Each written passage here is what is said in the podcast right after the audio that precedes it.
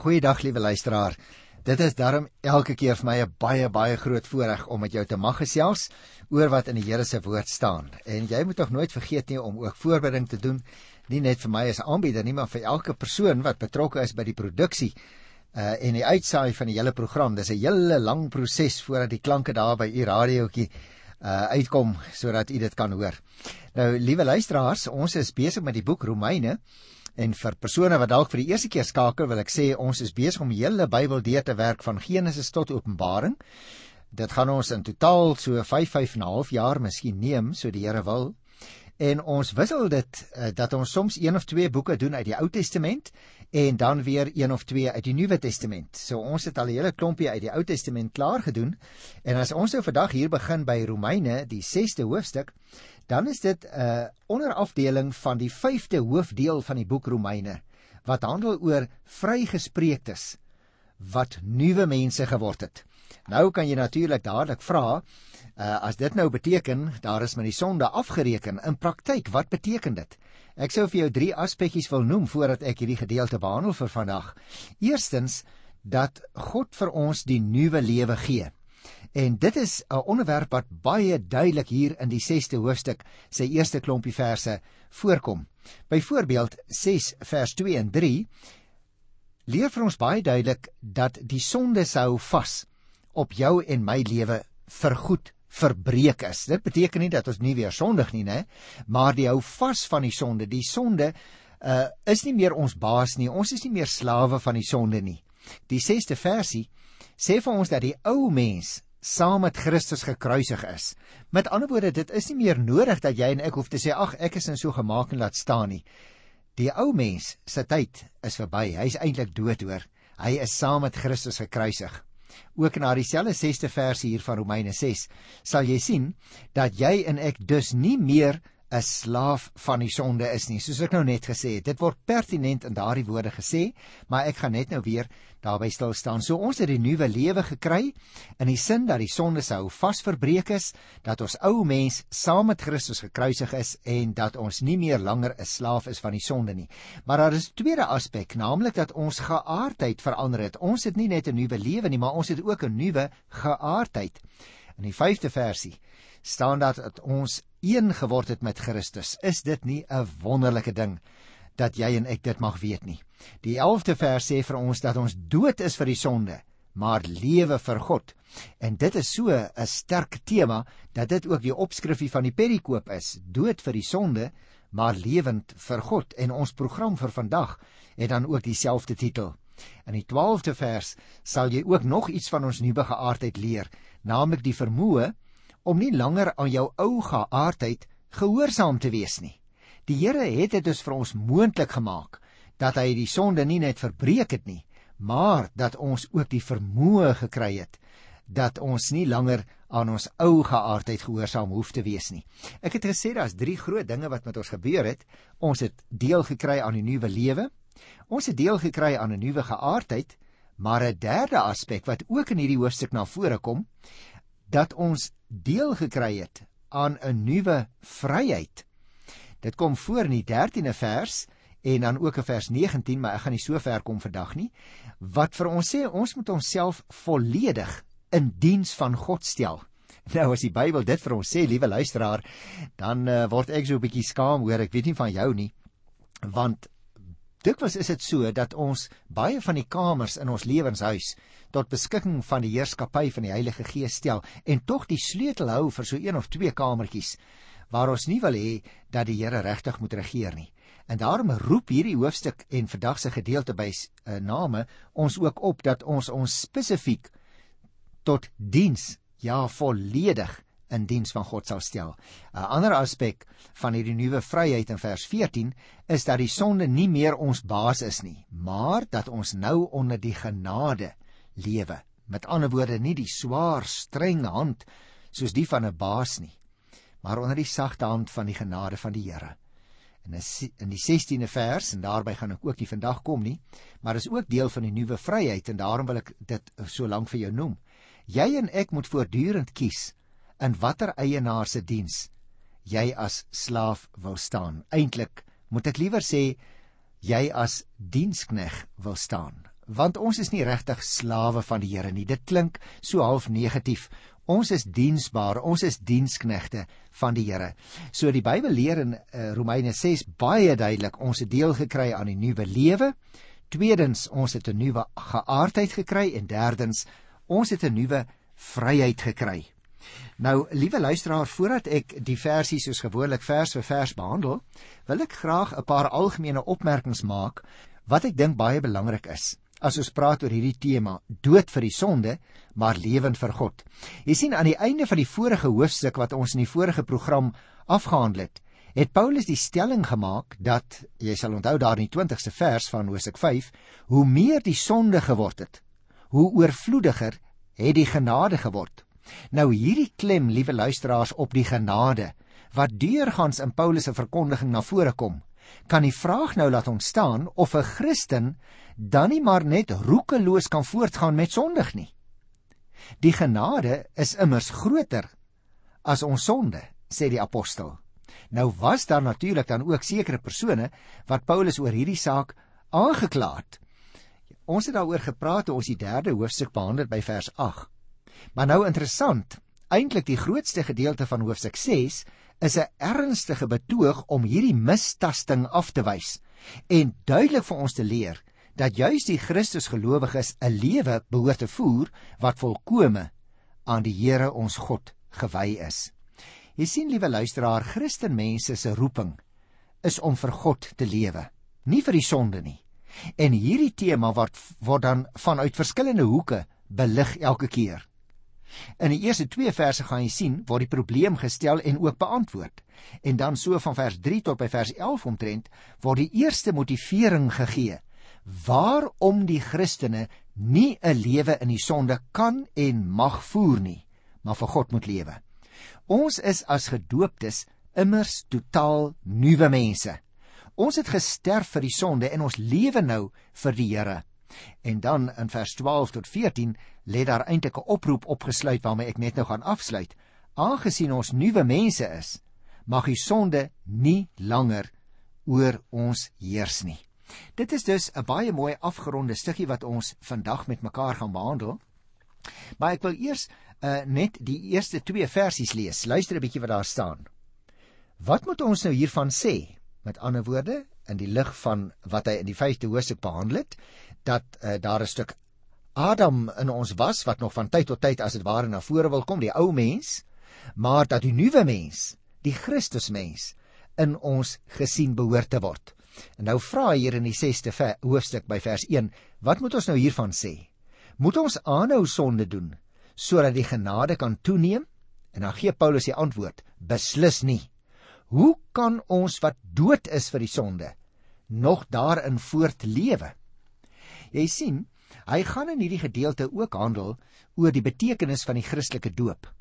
En die doop in Christus getuig natuurlik dat ons dood is vir die sonde en lewe vir God. In hierdie paragraaf, liewe luisteraars, argumenteer Paulus dus dat die gelowige dood is vir die sonde en hy voer ons doop aan as 'n bewys daarvoor.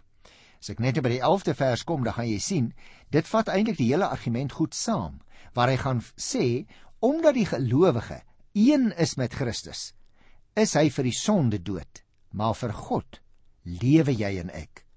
Dit hou dus in dat geen Christusgelowige ooit ligsinnig oor sonde behoort te wees nie. Jy en ek moet besef, luisteraar, dat dit teen jou nuwe natuur ingaan om tevrede te wees met die sonde in jou lewe. Dat dit nie pas by die nuwe mens wat Christus jou en my gemaak het nie. En daarom in hierdie eerste 2 verse wat ek nou net gelees het, het jy opgelet Paulus keer weer 'n keer terug na die gesprekstyl wat in die vorige hoofstukke uh, so bietjie teruggetree het, as ek dit so mag uitdruk. Ek het van tevore ook gewys waarom hy hierdie soort vraag vra. Hy antisipeer dus. Hy voorsien sekere vrae wat daar in die Christene wat in Rome woon se harte mag lewe. En dan is dit asof hy iemand as ware voor hom op 'n stoel laat sit en hy en hy tree as dit ware in gesprek met daardie persoon. Daarom stel hy soms 'n soms 'n vraag namens daardie persoon of as jy wil namens die gelowiges in Rome en hy beantwoord dit. En dit is hier wat in die eerste 2 verse ook gebeur. Hy wil met ander woorde sy lesers wys op die geweldige verpligting ten opsigte van 'n Godgewyde lewe. En dit moet voortdurend uitvloei vanweë die genade wat jy en ek ontvang het. Jy sien liewe luisteraar, die grootheid van God se genade plaas 'n groot roeping op jou en op my om 'n nuwe lewe in absolute gehoorsaamheid en ook in dankbaarheid te lei. Nie sodat ons gered kan word nie, maar omdat ons reeds gered, reeds gered is. Daarom lewe ons in gehoorsaamheid en in dankbaarheid teenoor die Here hierdie nuwe lewe.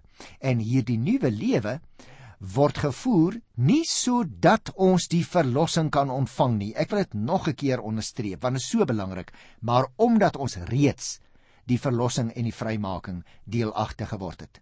Paulus beantwoord dus die aanvanklik gestelde vraag met die sterkste moontlike vorm van ontkenning in die Griekse taal. Hy sê beslis nie. Ons kan nie maar net voortgaan met die ou lewe nie.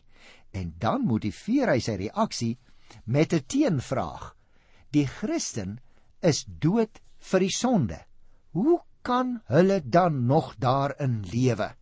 So vra die apostel. Luister nou na vers 3 en 4. Of weet julle nie dat ons almal wat in Christus Jesus gedoop is, jy sien hier kom die doop nou ter sprake, dat almal wat in Christus Jesus gedoop is, in sy dood gedoop is nie. Deur die doop is ons immers saam met hom in sy dood begrawe, sodat soos Christus deur die wonderbaarlike magsdaad van die Vader uit die dood opgewek is, ons ook so 'n nuwe lewe kan lei. Het jy opgelet? In Paulus se tyd was mense heeltemal onderdompel wanneer hulle gedoop is. Nou vandag is dit ook nog die praktyk in baie kerke en natuurlik is dit Bybels, liewe luisteraar. Ek dink daar sit 'n baie sterk simboliek juis in die onderdompeling dat ons as dit ware begrawe word in die water. Maar nou beteken dit natuurlik dat die nuwe Christene heeltemal in die water begrawe is, as ek dit so mag uitdruk.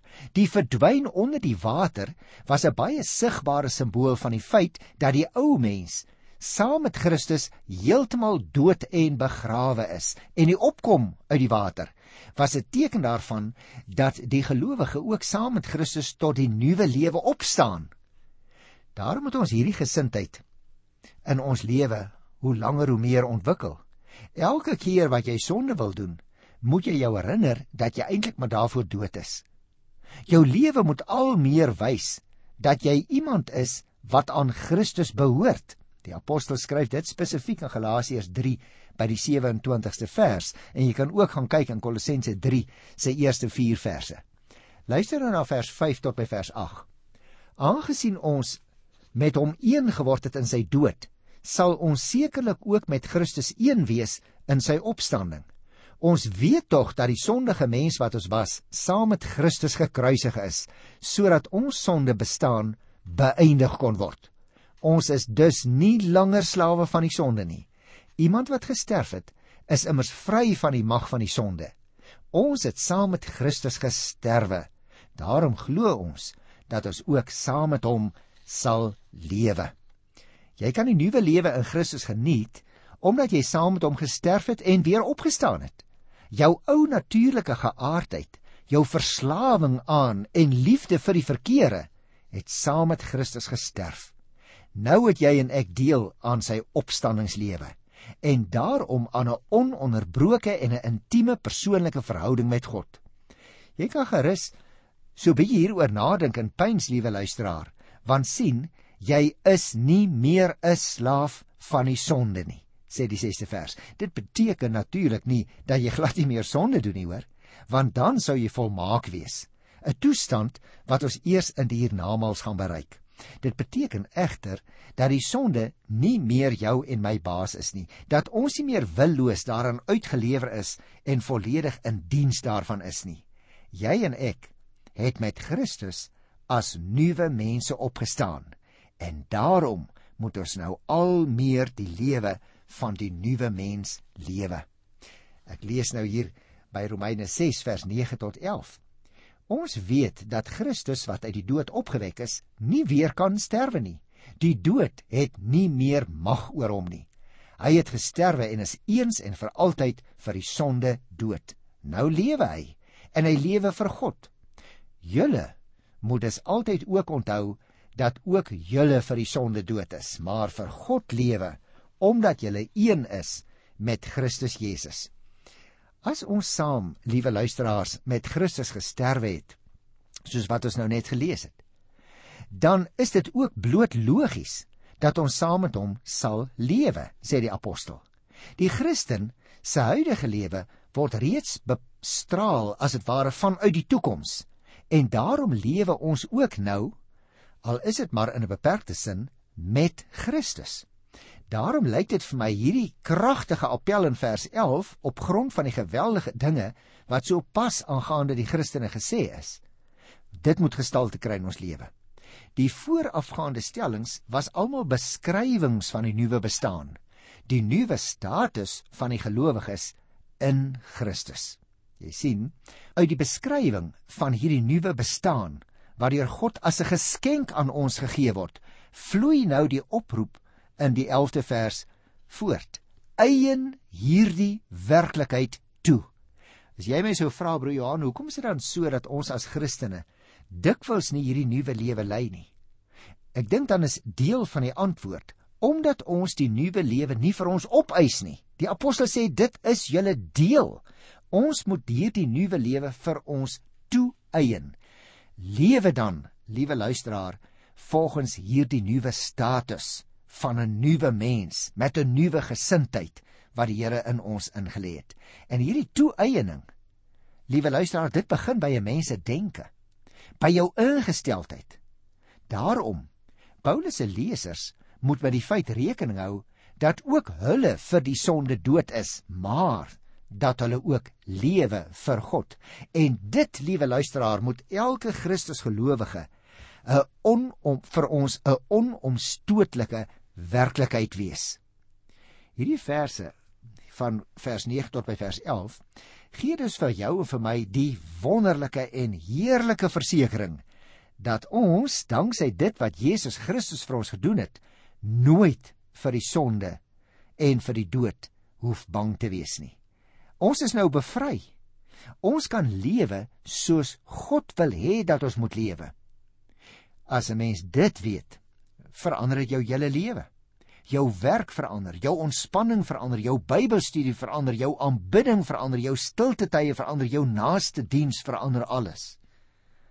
Weet dan, liewe luisteraar, dat jy en ek volgens Paulus werklik van die mag van die dood bevry is en ons ervaar vars en nuwe lewenskrag en optimisme vir die toekoms. Nou kom ons kyk hierso by vers 12 tot by vers 14 moet dan nie toelaat dat die sonde nog langer oor julle heerskappy voer en julle die begeertes van julle sterflike aardse bestaan laat gehoorsaam nie. Julle moet geen deel van julle liggame in diens van die sonde as 'n werktuig om goddeloosheid te bedrywe doen nie. Nee. Stel julle in diens van God as mense wat dood was, maar lewend geword het.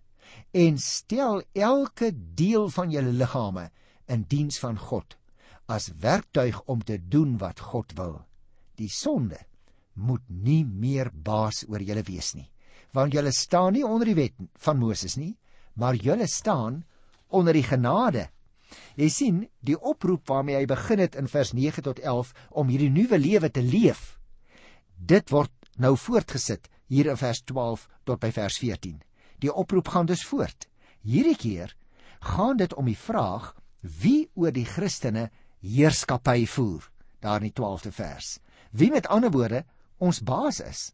Ons mag nie langer onder koning sonde se regering lewe nie. Die heerskappy van die sonde kom konkreet daarin tot verwerkliking dat ons die begeertes van ons sterflike aardse bestaan gehoorsaam, sê die apostel daar in vers 12. Nou luisteraars, die begeertes is daardie gevoelige punt in ons mondering waarop die sonde beslag lê om sy heerskappy op te rig in ons lewens. Daarom praat hy in die 3de vers van met deel van julle liggaam. En daarmee word nie bloot aan die mense ledemate gedink nie hoor, maar aan al ons lewensuitinge, al ons fisieke en psigiese vermoëns. En hierdie vermoëns mag nie in die diens van die sonde gestel word nie, maar in diens van God. Hy gebruik die uitdrukking werktuig om goddeloosheid te bedryf. En dit dui natuurlik daarop dat die mens se sonde die goddeloosheid bevorder. God wil egter die mens gebruik om te doen wat God wil, skryf die apostel daar. Die oorspronklike woordjie tussen hakies vir werktuie kan 'n mens ook vertaal met wapens. Wapens dus van of goddeloosheid of jy en ek kan wapens wees van die wil van God in hierdie wêreld. Jy sien in die geestelike oorlog tussen koning sonde en koning Jesus moet Christene wapens wees in die hand van God om sy wil ten uitvoer te bring in hierdie wêreld. En hierdie gedagte van die geestelike oorlog waarin die Christen staan, kom meermale by Paulus voor. Ek gaan nog met jou in detail daaroor gesels by 2 Korintiërs 6 en ook by Efesiërs 6. Die wat hy noem begeertes van julle sterflike aardse bestaan is jou ou natuurlike geaardheid, jou ou mens. En luisteraar, As jy en ek sommer net doen waarvoor ons lus is, dan is ons gehoorsaam aan hierdie ou natuurlike geaardheid. As kind van God wat sy alleen seggenskap in ons lewe erken, moet jy en ek eers dit wat ons van nature wil sê, dit wat ons van nature wil doen, toets aan wat God wil hê, want ons leef die lewe van die nuwe mens volgens die apostel. Daarom wil ek net in slotte enkele opmerkings maak, liewe luisteraar, omdat Paulus ook die doop hier te sprake gebring het. Ons moet onthou, albei sakramente, die doop en die nagmaal, wys heen na die Here Jesus Christus toe. En omdat jy en ek as mens vir Christus nodig het om by God uit te kom, daarom is ons as mense tog ook intens betrokke by die bediening van die sakramente. Immers, die sakramente van God word bedien aan geredde mense. Mense wat lewe soms in groot gevaar, maar mense wat oorgegaan het uit die ou lewe na die nuwe lewe. En daarom moet ons hierdie twee gesigspunte waaroor hy gepraat het in hierdie gedeelte nooit vergeet nie, want daar is 'n verband, jy sien, tussen doop en dood aan die een kant en lewe aan die ander kant. Die eerste aspek is hierdie ene. Daar is 'n verband tussen doop en die dood. Vers 3 en 4 het dit duidelik gesê: "Of weet julle nie dat ons almal wat in Christus gedoop is, in sy dood gedoop is nie? Ons is dus, liewe luisteraar, saam met hom begrawe deur die doop in die dood. Met ander woorde, om gedoop te word beteken om te sterwe. As ek gedoop is, het ek deel gehad aan 'n begrafnis. Wat die sonde betref in my lewe, is ek dus dood. Die sonde het geen vat of aanspraak of reg meer op my sonde nie en elke keer wat die sonde my nader lok, dan sal ek moet sê, jy is my vyand, ou maat, jy wie se naam sonde is. Jy's my vyand want ek is gedoop, ek behoort aan God. En daarom, liewe luisteraar, laat ons tog nie vasval in die argument oor groot of klein doop nie, maar laat ons kyk na die betekenis van die doop wat vir ons wil sê saam met Christus gesterwe en ook saam met hom opgestaan. Beteken dit nou dat 'n gedoopte mens nie weer sondig nie? Nee, natuurlik nie. Kyk maar na jou eie lewe dan sal jy dit uit die praktyk weet. Die ou groot vyand ons duiwel loop voortdurend rond. Hy soek eintlik om ons te laat struikel en ons te laat val. Maar nou het ek gesê daar is die twee aspekte. Die een is dat ons saam met Christus gesterf het. En die tweede aspek is ons is opgewek saam met Christus deur die heerlikheid van die Vader dieselfde krag, liewe luisteraar van God, wat vir Christus uit die dood opgewek het, daardie selfde krag van God, maak dat die gelowiges in hierdie nuwe lewe kan wandel. Die Heilige Gees wat in ons woon, help ons daarin. Hy sterk ons daarin. Ja, ons behoort nie meer tot die heerskappy van die sonde nie, maar tot die van die lewe wat in Christus se opstanding deurgebreek het.